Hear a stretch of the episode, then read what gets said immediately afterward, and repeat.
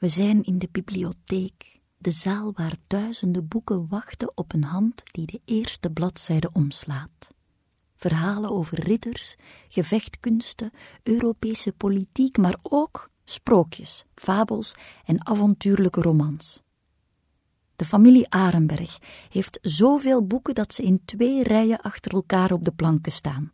De belangrijkste en mooiste lederbanden vooraan, de boeken die minder in het oog springen erachter.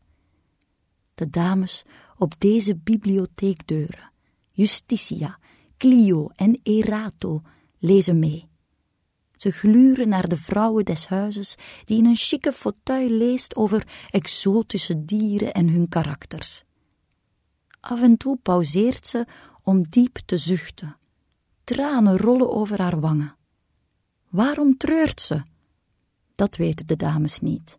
Ze weten wel dat deze hertogin, Eleonora Ursula van Arenberg, een excentrieke dame is, die zich het dierenverdriet van de wereld erg aantrekt. Ze komt op voor de rechten van de dieren. Hier in de bib loopt trouwens een heel speciaal huisdier rond, Lily, haar Fred, die af en toe langs haar benen strijkt. Eleonora leest weer verder.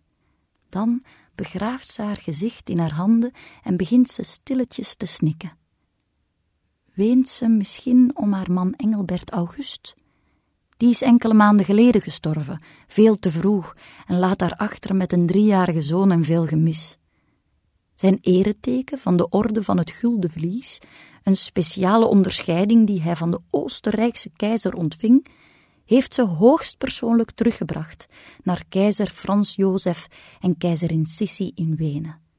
Nu is ze terug van de vermoeiende reis en moet ze verder met haar leven, zonder haar man. Ze klapt haar boek dicht en loopt naar het raam.